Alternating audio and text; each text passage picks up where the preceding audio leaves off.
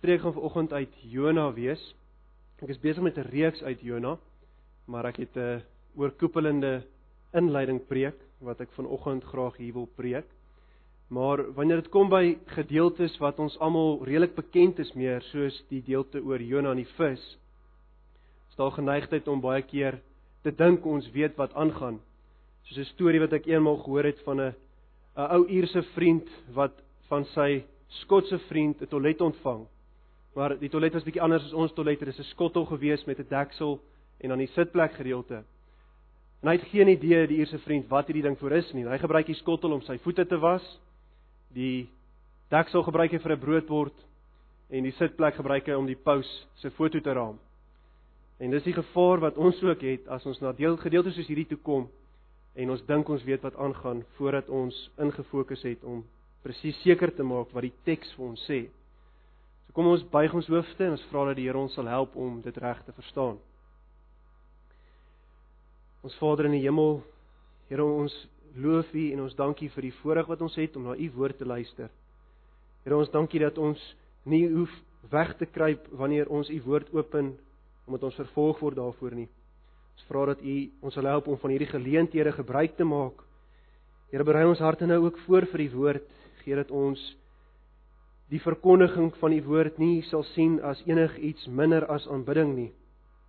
Here, ons aanbid U nie net deur musiek, deur sang en deur gebed nie, ons aanbid U ook deur die prediking. Ons vra dat U ons harte sal voorberei, maak ons verstand helder en skoon sodat U woord vir ons betekenis sal hê.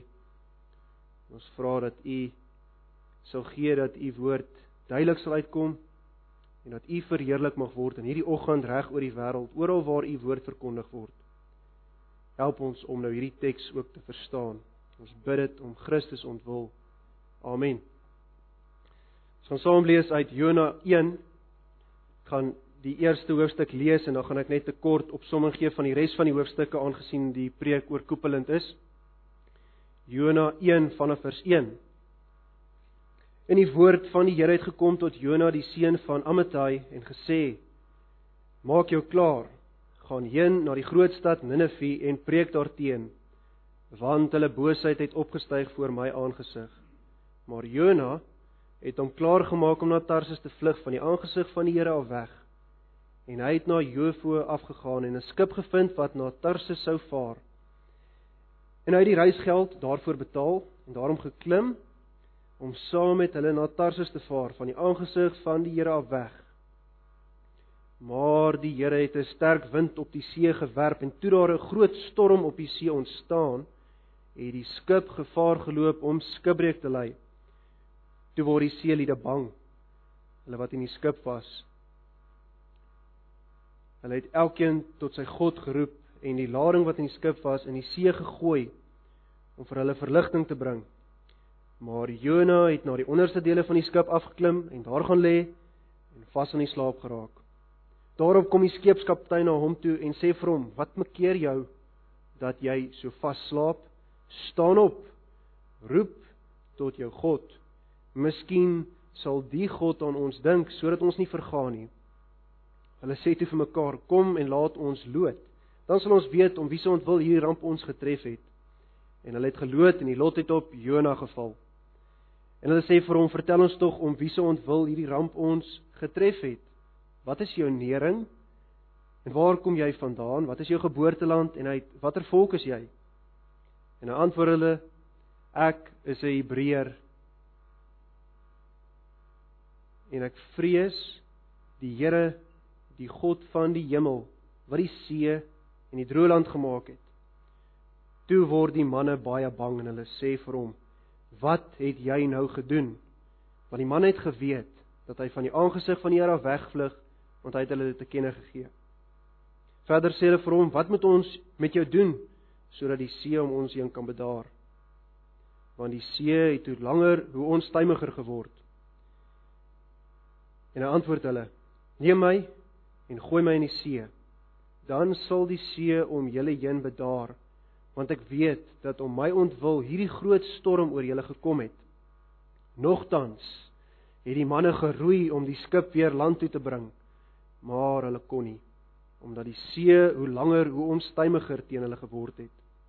Toe roep hulle tot die Here en sê: "Ag Here, laat ons tog nie vergaan weens die lewe van hierdie man nie en bring geen onskuldige bloed oor ons nie, want U Here het gedoen na U welbehae."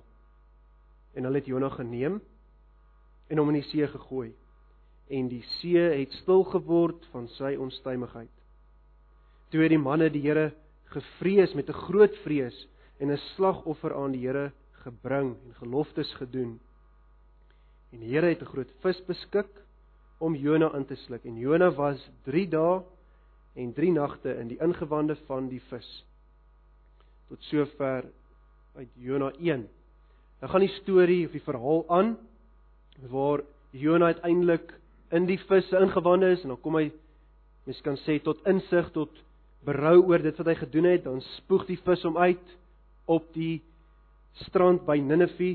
So gaan hy deur die stad en dan verkondig hy aan die stad nog 40 dae dan word Ninive verwoes. En dan kom die stad tot bekering. Die teks sê hulle bekeer hulle in sak en as, oud en jonk, mens en dier. En dan verskuif die fokus weer wat het intussen van Jona geword? Ons sien ons Jona sit buite die stad. Hy's effens opgeblaas, hy's ongelukkig oor die feit dat die Here hierdie Ninevite gered het. En dan laat die Here 'n wonderboom ontstaan en hy sit onder die wonderboom en hy geniet die koelte. En dan stuur die Here 'n wurm. Dan eet hy hierdie boom op. En ons Jona vies daaroor, kwaad daaroor. En dan antwoord die Here vir Jona dat Hy geen rede het om kwaad te wees oor dit wat die Here hier gedoen het nie. Omdat hy geen deel gehad het in hierdie boom nie. Dan sê dit vir ons iets van Jonas se gesindheid. Die ongelukkigheid wat hy het oor hierdie mense wat hy bekeer het. So dis die dis die teks waarna ons gaan kyk. Nou die tema wat ek gekies het is jou plek in God se plan en God se plek in jou plan.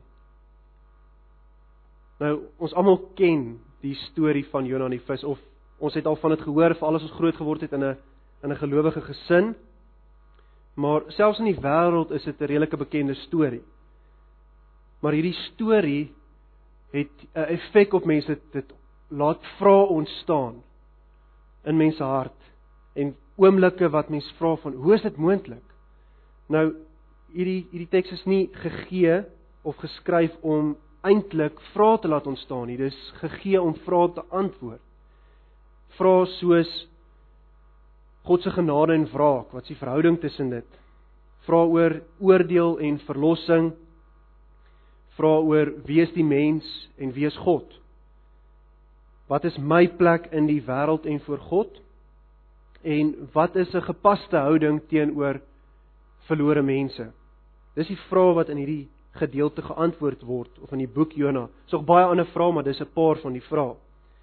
Nou hierdie boek Jona konfronteer vier groepe mense.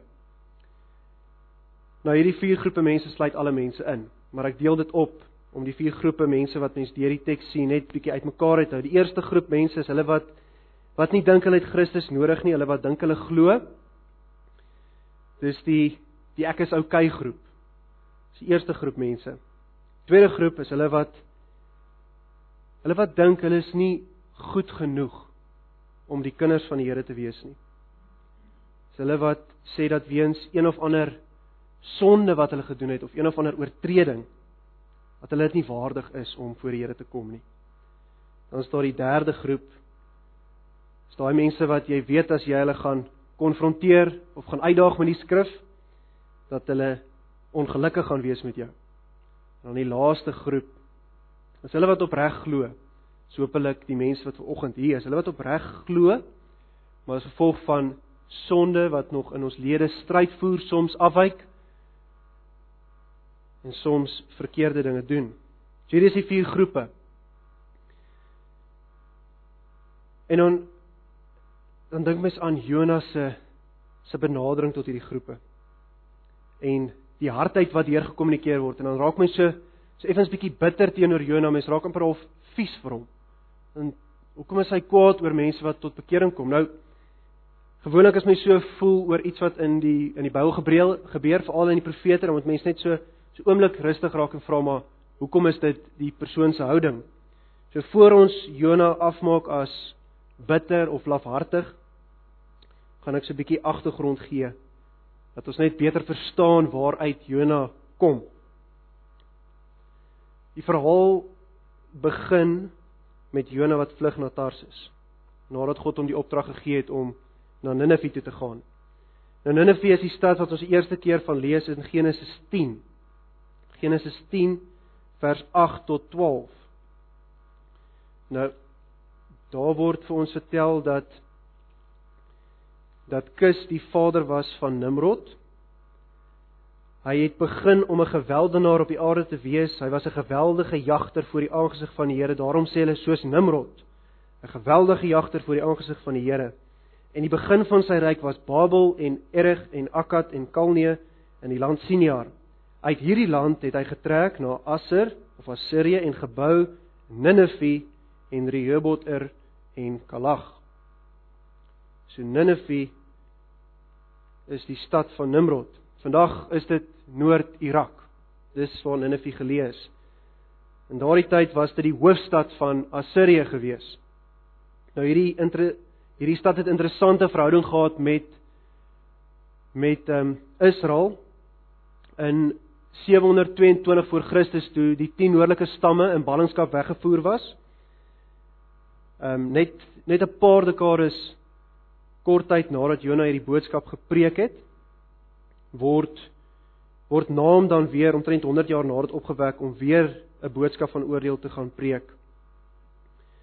Maar hulle hulle is aan die grens gewees tussen tussen die noordelike koninkryk en Assirië. So tussen Israel en Assirië. Dis waar Ninive was. En nadat die die Assiriërs die noordelike koninkryk die noordelike deel van Israel weggevoer het, word die gebied dan gevul met met Samaria. Die gebied Samaria word gevul met die mense van Assirië, ekskuus tog.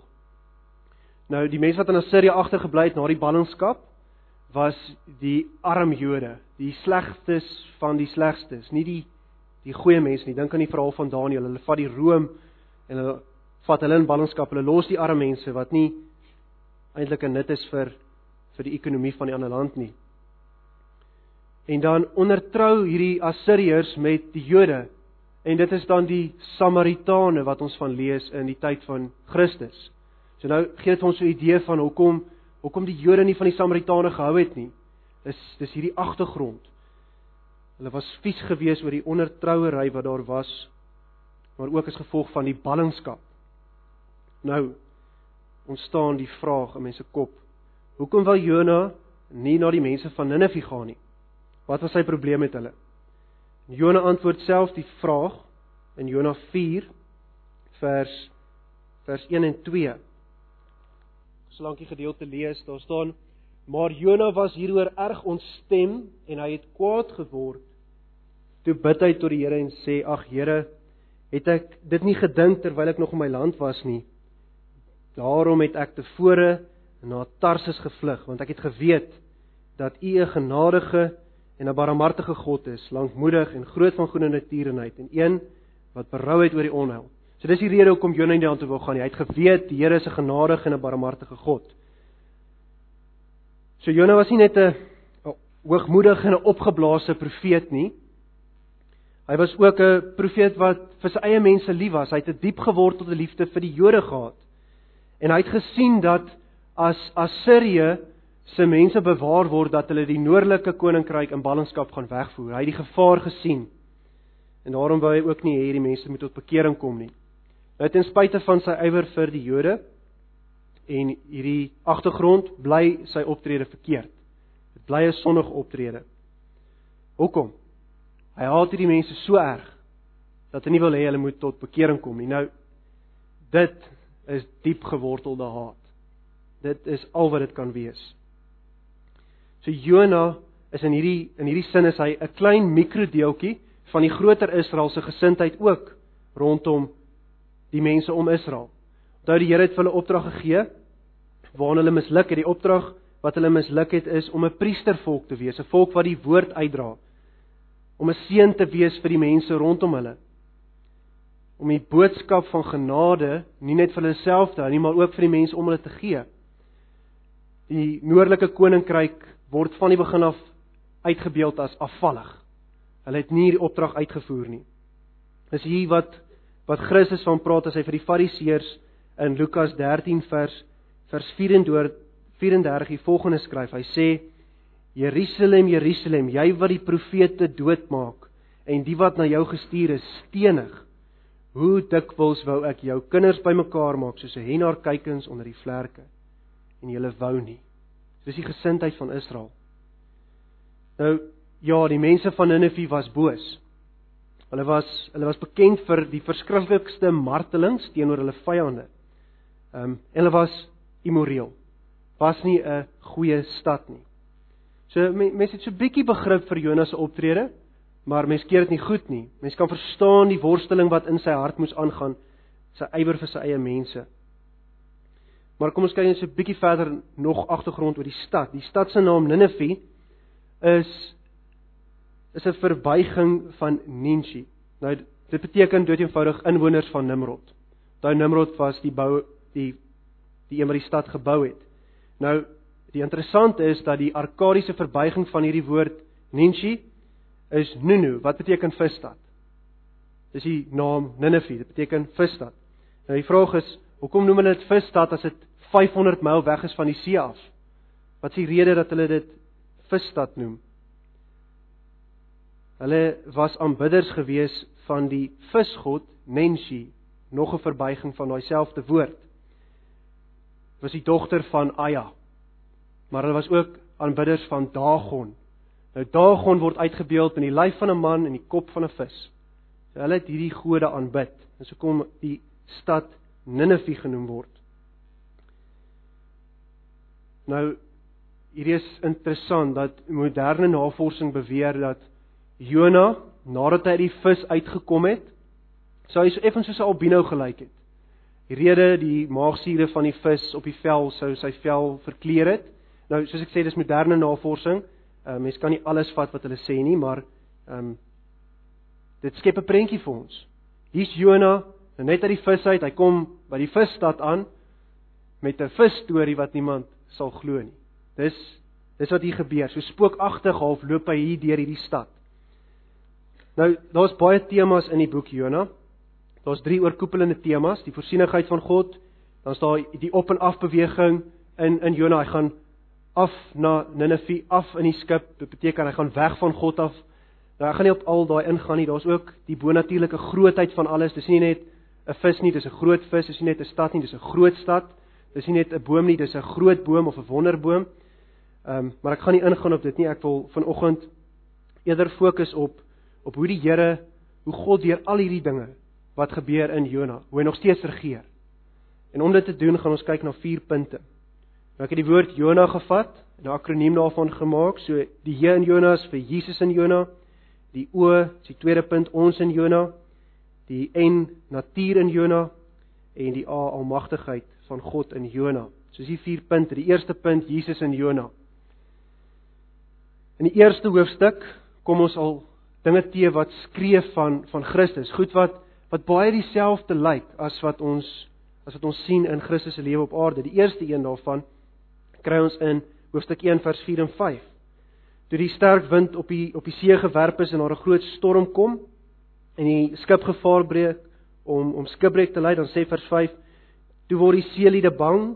Hulle het elkeen tot sy God geroep en die lading wat in die skip was in die see gegooi om vir hulle verligting aan te bring. Maar Jona het na die onderste dele van die skip afgeklim en daar gaan lê en vas aan die slaap geraak. En as jy vra maar maar wat hiervan word weer klink in die Nuwe Testament wat ons ook van hoor. Matteus 8 vers 23 tot 27. En toe hy, dis Jesus in die skei klim, het sy disippels hom gevolg en daar het 'n groot storm op die see gekom sodat die skei toe was onder die golwe, maar hy was aan die slaap. Daarom kom sy disippels en maak hom wakker en sê: "Here, red ons, ons vergaan." En hy sê vir hulle: "Waarom is julle bang, klein gelowiges?" Toe staan hy op en bestraf die wind en die see en daar het 'n groot stilte gekom en die manne het hulle verwonder en gesê: "Wat vir 'n mens is hy dat selfs die winde en die see hom gehoorsaam is?" So daar's hierdie hierdie parallelle wat ons sien met Jona in Christus se lewe. Nou gaan nie meer uitbrei daarop nie. Dink ook nie mense moet alles te ver vat wanneer dit kom by ehm um, beelde wat mens met mekaar kan kan vergelyk nie. Maar wat ek uitval is die beeld van die see in Jona. Waarvan is die see 'n beeld? In Jona is dit 'n beeld van God se oordeel, God se wraak oor dit wat Jona gedoen het, die ongehoorsaamheid. Kyk, kyk na vers 15 van hoofstuk 1. Vers 15 sê en hulle het Jona geneem en hom in die see gegooi en die see het stil geword van sy onstuimigheid. So kan julle kan julle sien dat in hierdie konteks dat Jona se werping in die see as 'n offer gesimboliseer word. Ehm um, die woorde maak dit maak dit bietjie duideliker. Die see het stil geword van sy onstuimigheid. Letterlik die see is herstel van haar woede. Dis wat dit daar letterlik staan. Dieselfde wat wat met Christus gaan. Hy word in die in die see van God se toorn gewerp en hy drink dit op in ons plek. En hy maak die toorn van God stil. Die toorn van God bedaar. Dis hoekom in Openbaring daar ook nie die beeld van die see gebruik word nie. Daar's nie golwe nie, dis 'n meer onder die troon. Dis stil, daar's nie meer toorn nie. So soos wat Jona in die see gegooi is nadat Jona verduidelik het dat dit die probleem se oplos, net so kruisig die Romeine Christus nadat hy homself as die oplossing tot die probleem van die mens gee. Hy maak homself bekend as die verlosser en hulle kruisig hom daarvoor. Maar kyk ook na vers 17. Nog 'n parallel. Vers 17 sê van hoofstuk 1 en die Here het 'n groot vis beskik om Jona in te sluk en Jona was 3 dae en 3 nagte in die ingewande van die vis. Hoe lank was Christus in die graf? 3 dae en 3 nagte. Matteus 12 vers 38 tot 40 sê: "Toe spreek sommige van die skrifgeleerdes en die fariseërs en sê: Meester, ons wil graag 'n teken van U sien." Maar hy antwoord en hy sê vir hulle: "’n Slegte en 'n oor, oorspelige geslag soek 'n teken, en geen teken sal aan hom gegee word nie behalwe die teken van die profeet Jona. Want soos Jona 3 dae en 3 nagte in die buik van die groot vis was, so met klem op die so, so sal die seun van die mens 3 dae en 3 nagte in die hart van die aarde wees. Nou hier's verskillende kommentare oor dit wat ek nou gaan sê. Maar daar is verskillende opinies oor dit. Die vraag wat by my ontstaan altyd as ek Jona lees is: Hoe het Jona in die vis oorleef? Waar het hy suurstof vandaan gekry? Nou vir dit wat ons vanoggend hier gaan behandel, moet ons die beelde verstaan wat gebruik word dat Jona 'n tipe van Christus in die Ou Testament was Daar's beelde wat dieselfde is. So vir dieselfde feit dat Christus gesterf het en opgewek is, opgestaan het en opgevaar het na die hemel, dieselfde met Jona gebeur het. Nie in alle aspekte nie, maar ons kan aanneem Jona het in die vis gesterf, hy het opgestaan en hy is uitgespoeg. Dis dieselfde beelde wat gebruik word. Nou ons hoef dit nie te ver te vat nie, maar ek dink uit dit wat Christus sê in Matteus 12 dat net so presies soos wat die met Jona gebeur het soos om met die seun van die mens gebeur dat dit veilig is om te sê dat daar 'n groot moontlikheid is dat Jona gesterf het en dat God hom weer opgewek het. Nou ek gaan nie te veel daarvan maak nie aangesien daar verskille is oor dit. Maar kyk na na Jona 2 vers 5 en 6. Jona skryf daar hy sê die waters het my omring tot aan die siel toe. Die vloed was rondom my, seegras was om my hoof gedraai. Ek het afgedaal tot by die grondslaaf van die berge. Die grendels van die aarde het my vir altyd ingesluit. Maar U het my lewe uit die kuil opgetrek. Die woord kuil is die woord Sheol, die doderyk. U het my lewe uit die doderyk opgetrek. Die Engelse vertaling daar waar hy sê tot aan die siel toe in vers 5 praat die Engels van even unto death. So Jonas deur deur God opgewek. Nou dis interessant dat dat Jona ook in hierdie sin die enigste profeet is wat Christus homself mee vergelyk. net soos Jona, soos hy seun van die mens. Hy doen dit met geen ander profeet op dieselfde vlak nie. Nou ek dink hierso die storie van Pinocchio en Geppetto dalk 'n bietjie ons interpretasie van van Jona en die vis gevorm. Te veel dat ons dink hy het met sy skip in die walvis afgegaan. Dis nie wat hier gebeur nie. Ons moet nie dat die wêreld vir ons sê hoe ons stories in die skrif moet verstaan, gebeurtenisse nie. Maar terug by die teks. Ons sien dat Christus groter is as Jona. Hoe is hy groter as Jona? Ek gaan 'n paar voorbeelde noem. Eerstens, Jona 'n mens. Christus is God en mens. Is net 'n mens nie. Die tweede punt en hier wil ek iets sê rondom die eerste vers van Jona.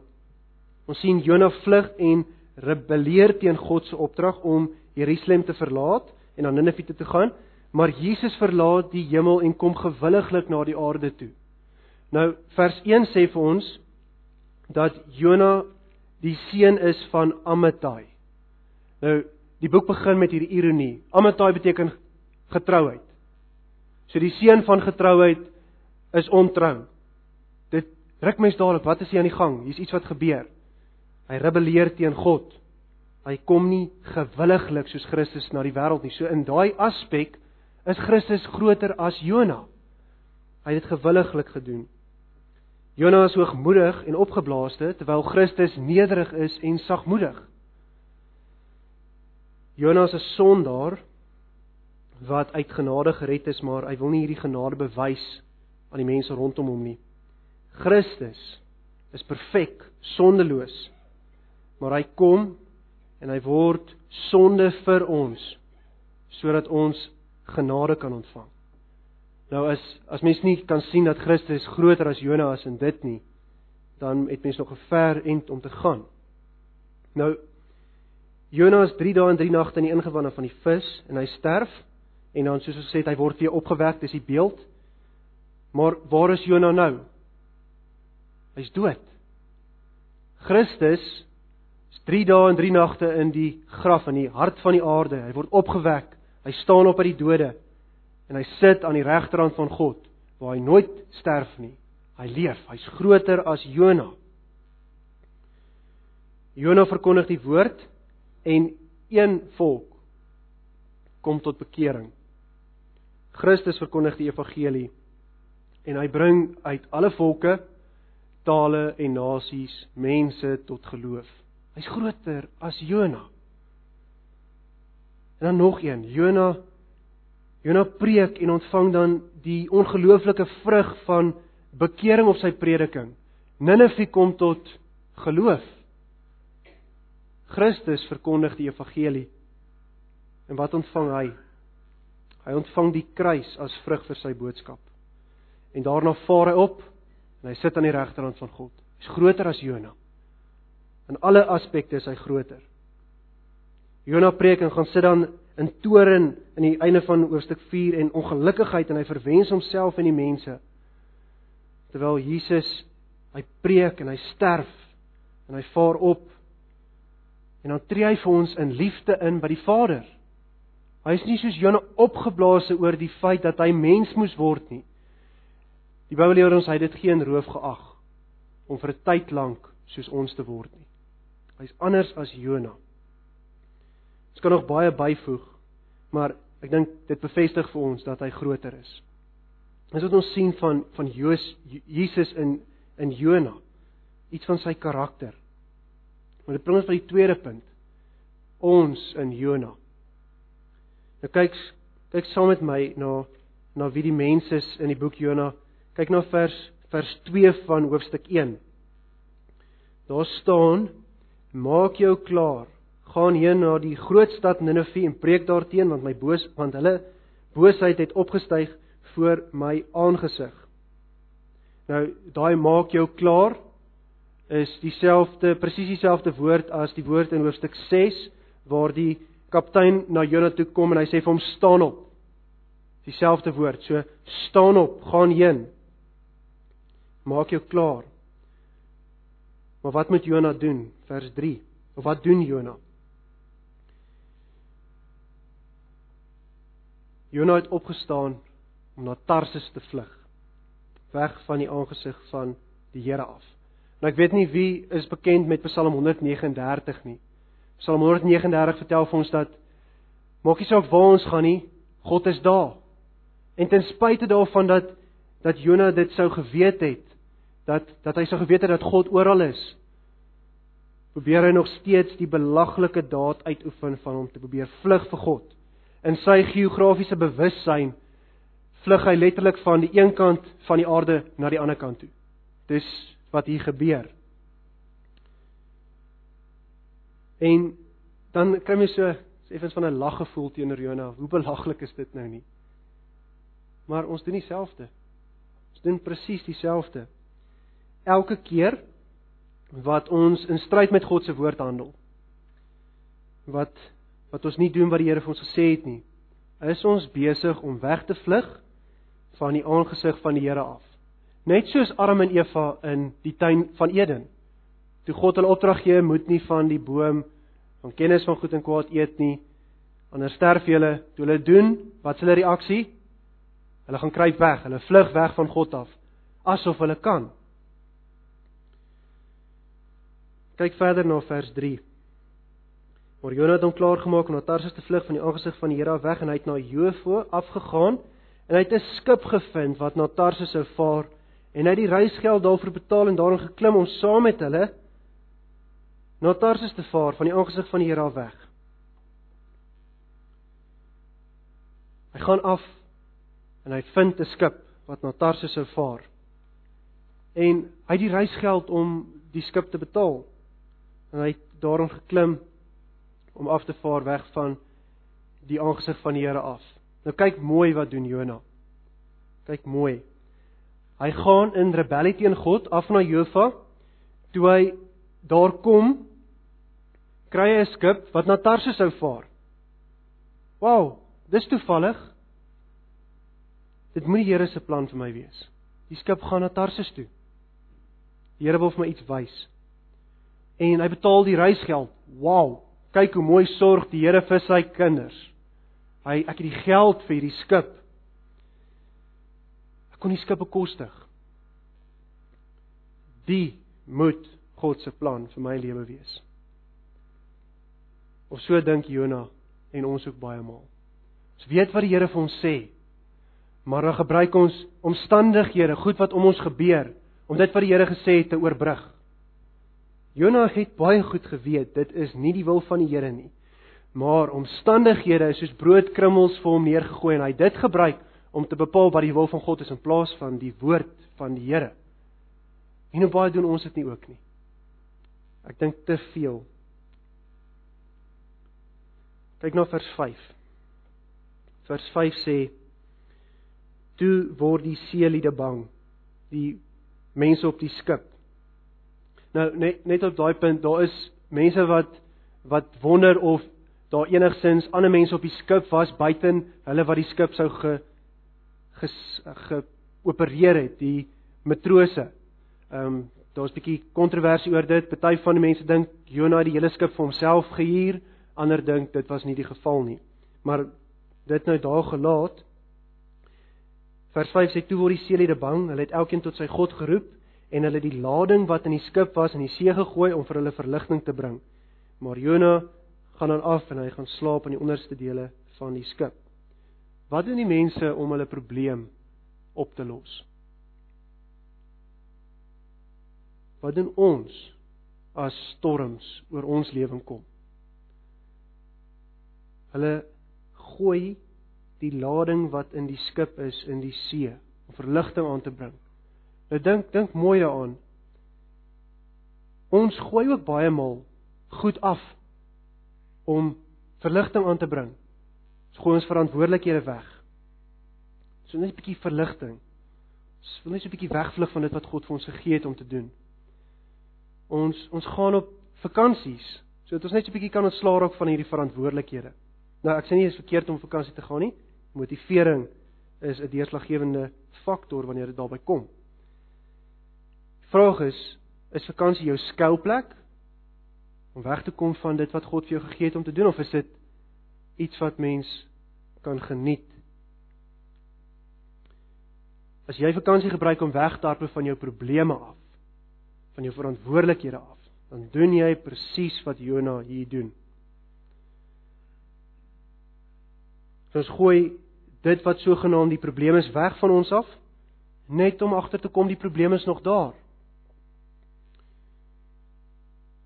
So wie van van ons kyk terug op op 2018 wat al verby is of op die maand wat verby is op die week wat verby is?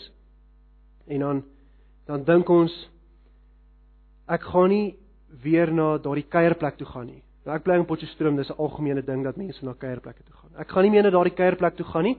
Dis 'n voorneme want daar steel hulle net jou selfoon en jou goed. Die probleem is nog steeds daar. Die probleem is nie probleem is nie dat jou foon gesteel word nie. Die probleem is dat jy nie op die plek is waar jy moet wees nie. Dis die probleem. Party van ons sê ek gaan hierdie jaar wat kom of hierdie maand wat voor of die week gaan ek nie met met my ongelowige kinders praat nie want um, of met my ongelowige ouers nie want dit dis net so frustrerend en baie keer irriteer hulle my ook so bietjie oor hulle net nie kan insien wat ek probeer wys nie. Hierdie selfde gesindheid van Jona het ons wanneer dit kom by ander mense. Nou die probleem is weer eens hierso nie dat hulle jou frustreer of dat jy jou irriteer of nie na jou luister nie. Jou probleem is jou eie hoogmoedige hart wat 'n groter begeerte het dat daai persoon soos ek moet word. Nie soos Christus, nie soos ek. Want as almal net soos ek was, dan is ons. Okay. Dis hoogmoed. Dis 'n verkeerde gesindheid. Maar wat doen mense nog om ontslae te raak van 'n probleem? Kyk na vers 13 vers 13 van hoofstuk 1. Daar staan: Nogtans het die manne geroei om die skip weer land toe te bring, maar hulle kon nie omdat die see hoe langer hoe onstuimiger teen hulle geword het. Die Engels sê dit mooi, they dug in deeper. Hulle het letterlik die spaan ingedruk om harder te probeer roei. Dis wat vers 13 sê. Nou ek noem hierdie sommer die arminiaanse of die humanistiese oplossing tot probleme. Probeer harder. Trek jouself van jou skoenveters op. Jy kan alles doen wat jy jou kop opsit. Dis wat hier gesê word. Ons sal self uit hierdie probleme, ons roei harder, ons probeer harder. Jy's sterker as wat jy dink. Hoe baie hoor mense dit nie? Dis daai daai motiveringspraatjies wat mense luister. En dan stap jy daar weg. Dan voel jy so bekragtig. Jy jy gaan nou hierdie son aanpak in jou eie krag. In jou eie krag. Dis die jy kan enigiets doen wat jy jou kop opsit ideologie wat daar buite is. Dis verskriklik algemeen veral onder die jong mense. Veral onder die jong mense. Just do it. Jy kan. Dis die spreek. Dis die kreet daar buite. Nou gaan vertel dit vir 'n verlamde. Persoon wat besef dat hy nie net iets kan doen nie. En jy sal aan sy gesig kan sien dat hy dat hy vies is vir jou oor daai woorde. En jy sal dalk in 'n sekere sin bly kan wees dat hy verlam is want ek is seker as hy nie verlam was nie, sou hy dalk so 'n bietjie so 'n bietjie vies gewees het vir jou. So 'n bietjie wou opspring om iets te doen. Hoekom? Hy het op die harde manier geleer dat hy nie in staat is om te doen wat hy wil nie op die harde manier geleer. Hy het geleer hy's 'n mens en hy's nie God nie. En ons moet nou dieselfde les leer. Ons kan nie doen wat ons wil nie. Ons is nie in staat om onsself uit die kuil uit op te trek nie. Jona was nie in staat nie. God moes hom uit die kuil uit optrek. Jy is nie in staat om oorlog te voer teen sonde in jou eie krag nie. Die Here moet jou help. Hy moet jou die krag gee. Nou, hoekom het ons so baie probleme in ons lewe? En nou praat ek met mense wat in rebellie teen God leef, maar selfs hulle ook wat wat as gelowiges soos Jona dit dit soms doen. Kyk na vers 9. Iets interessant word daar vir ons gesê. Hulle vra hom, "Wie is jy?" In vers 8 en dan antwoord hy sê, "Ek is 'n Hebreër en ek vrees die Here, die God van die hemel wat die see en die droë land gemaak het." Nou ons moet mooi oplet. Hy sê nie ek is 'n Jood of 'n Israeliet nie, hy sê ek is 'n Hebreër. Hoekom sê ek 'n Hebreër? Daar's 'n rede agter dit. Wanneer 'n Jood, 'n Israeliet tussen vreemde mense was, mense van nie nie van sy eie volk nie, het hulle gesê ons is Hebreërs. Nou kyk saam met my na Genesis 40 vers 15. Genesis 40 vers 15.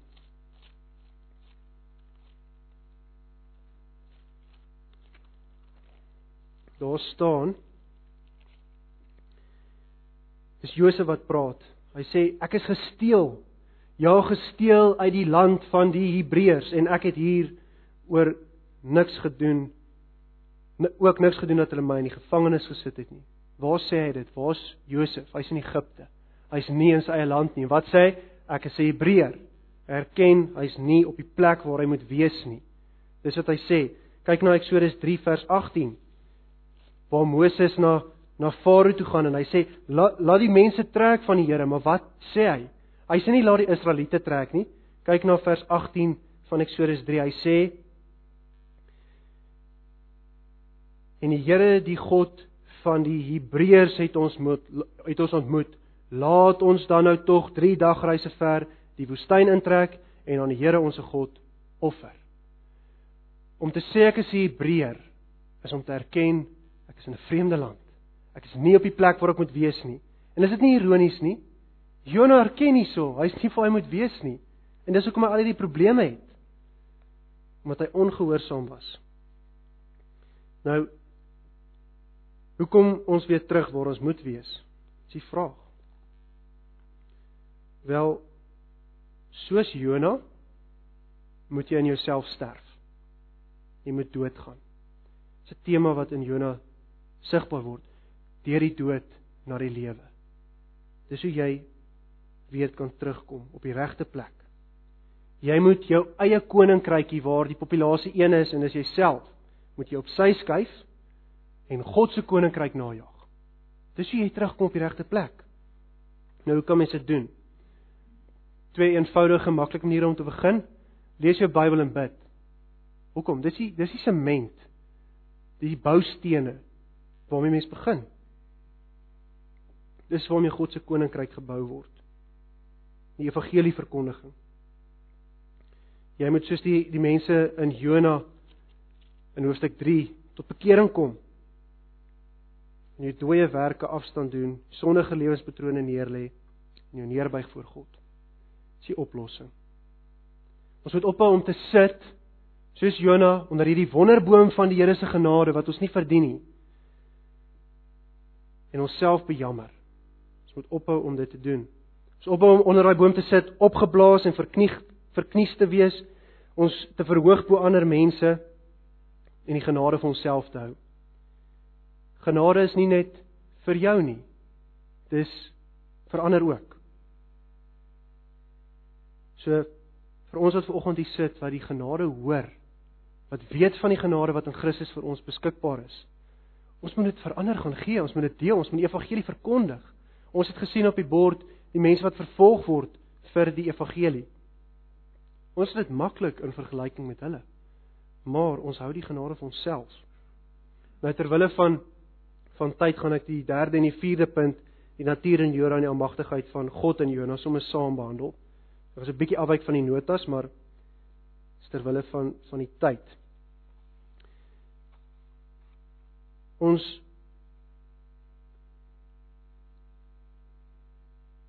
Ons sien in hierdie twee punte die gehoorsaamheid en die onderwerping van die natuur aan God en dan ook God se mag oor die mens en die diere.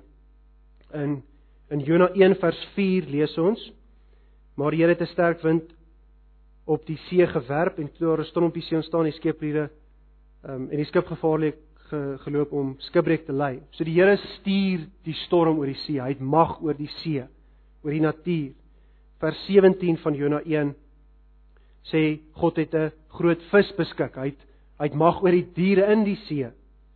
Jona 2 vers 6 sê die Here het mag oor die dood. Hy trek Jona uit die kuil uit. Vers 10 sê die God beveel die vis en hy spoeg Jona uit. Hy het absolute beheer oor die natuur. En ons sien Christus ook in die Nuwe Testament waar die storm stil maak. Hy spreek net en die disippels reaksies: "Wat vir 'n mens is dit? Wie is dit?" Jona 3 vers 4 sê en Jona het begin met een dag reis ver die stad om een dag reis ver die stad in te gaan en hy het gepreek en gesê nog 40 dae dan word Ninive verwoes. En nou is daar spekulasie. Dit klink net soos 'n oordeelboodskap. Waar's die genade? Die woord verwoes het twee betekenisse in die oorspronklike taal. Dit kan beteken die Here gaan die stad verwoes deur hulle om te keer en letterlik onderste bo te keer en hulle gaan verwoes wees, hulle gaan verby wees, vernietiging of hy gaan hulle omkeer nuut maak. Uit al twee daai betekenisse. Nou as Jonah die boodskap verkondig 40 dae dan word Ninive verwoes. Is dit nie net 'n boodskap van oordeel nie? Onmiddellik kom dit oor as 'n boodskap van oordeel, julle moet julle bekeer. Maar hoekom kan hulle bekeer?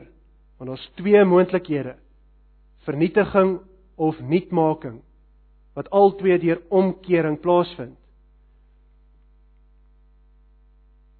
So God het die het die reg om in enigiemand se lewe in te breek. Ons sien sy totale mag oor die mens. Dis vir die genade in die boek van Jona in hierdie boodskap van Jona is. Want hoe sou die Ninivite tot bekering gekom het as daar nie 'n boodskap van genade was nie? Hulle nie geweet het wat om te doen nie. Daar is 'n boodskap van genade. So die vraag wat ons vanoggend mee te doen kry is gaan die boodskap van die evangelie ons en die mense wat ons mee te doen kry, gaan dit ons omkeer en vernietig of gaan die evangelie boodskap ons omkeer en ons nuut maak? Dis die vraag wat ons mee te doen kry. Gelukkig vir ons wat vanoggend hier sit, weet ons die boodskap het ons nuut gemaak. Ons is gewederbaar. Die boodskap van van oordeel en van genade Skrif is duidelik dat dit een van die twee gaan wees. So wat moet ons doen? Buig jouself neer. As jy nie seker is waar jy voor God staan nie, erken dat jy God se se toorn verdien oor jou sonde en pleit dan by God vir genade. Doen wat die Ninivite hier ook gedoen het. Hulle het berou, hulle is in sak en as oor hulle die boodskap gehoor het. So sit al jou gewig op Christus. Trek hom aan soos 'n mens klere aantrek. Dis dieselfde ding. Lees jou woord. As jy sien dit wat die woord sê en wat ek doen is nie dieselfde nie, doen afstand daarvan. Dis hoe jy Christus aantrek. Dis 'n lewe van heiligmaking. Erken en besef dat jy 'n plek het in God se plan. En dat jou plan jou plan vir jou lewe, nie God se plek in jou lewe bepaal nie. God bepaal die plan vir jou lewe. God bepaal die uiteinde van jou lewe. En hy het mag om in enigiemand se lewe in te breek om dit moontlik te maak. So dis die boodskap van Jona wat wat ons hier raak sien. En hierdie boodskap moet ons aanvuur vir mense soos wat ons op die bord gesien het wat wat nie Christus in vryheid kan aanbid nie vir sending om die evangelie uit te dra. Hierdie boodskap moet ons aanvuur daarvoor as ons sien die totale mag wat God het oor sy skepping. En dit sluit ons as mense in. Kom ons bid. Ons vra dat die Here ons sal help om hierdie besef voor oë te hou. Ons Vader in die hemel, Here ons dankie vir u genade, ons dankie vir u goedheid. Ons dankie vir dit wat U vir ons doen wat ons nie eers verdien nie. Dat U ingebreek het in ons lewens, dat U ons gewederbaar het, dat U ons nuut gemaak het.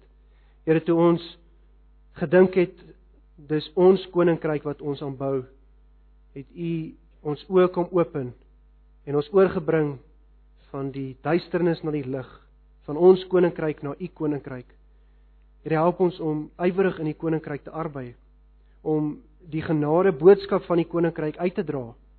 Help ons om nie hoogmoedig te wees teenoor mense buite nie. Help ons om altyd te besef wie ons is. Help ons om ons nietigheid te besef voor U. Here, ons dankie vir vir U woord wat so ryk is. Ons vra dat U dit in ons harte sal indra. Help ons om hierdie week dit uit te leef dat ons die genade met ander sal deel. Here, want ons begeerte is dat U verheerlik kan word.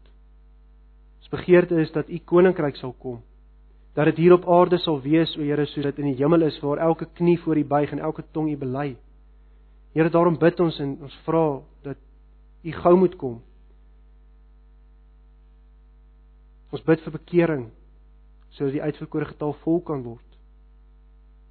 Here, ons erken dat ons nie altyd so ywerig vir U is wat ons moet wees nie. Ons vra dat U hierdie ywer in ons harte sal werk deur U woord en U Heilige Gees. Ons dankie dat ons dit kan bid. Wees met ons waar ons nou uitmekaar uit gaan gaan. En bring ons as dit U wil is weer bymekaar op die volgende herdenking van U opstanningsdag. Ons bid dit om Christus ontwil.